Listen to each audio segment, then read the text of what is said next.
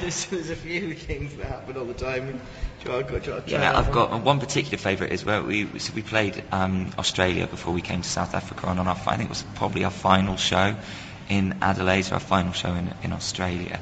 Gary um, completely wiped out. He completely he tripped he tripped himself out. I'm not entirely sure how it happened. Slipped the He water. slipped, he slipped on the he slipped on the water and uh, took out there's a there's a big hat stand on the stage as well, and he took that out and he landed flat on his back.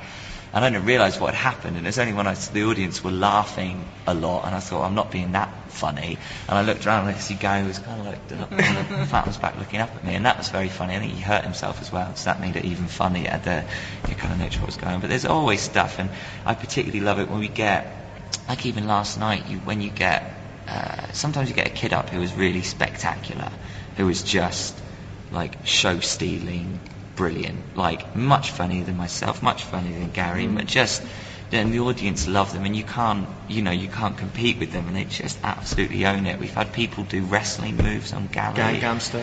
Yeah, we've had people, you know, just doing all sorts of bonkers stuff, and that's a really fun bit. We've had people heckle from people shout.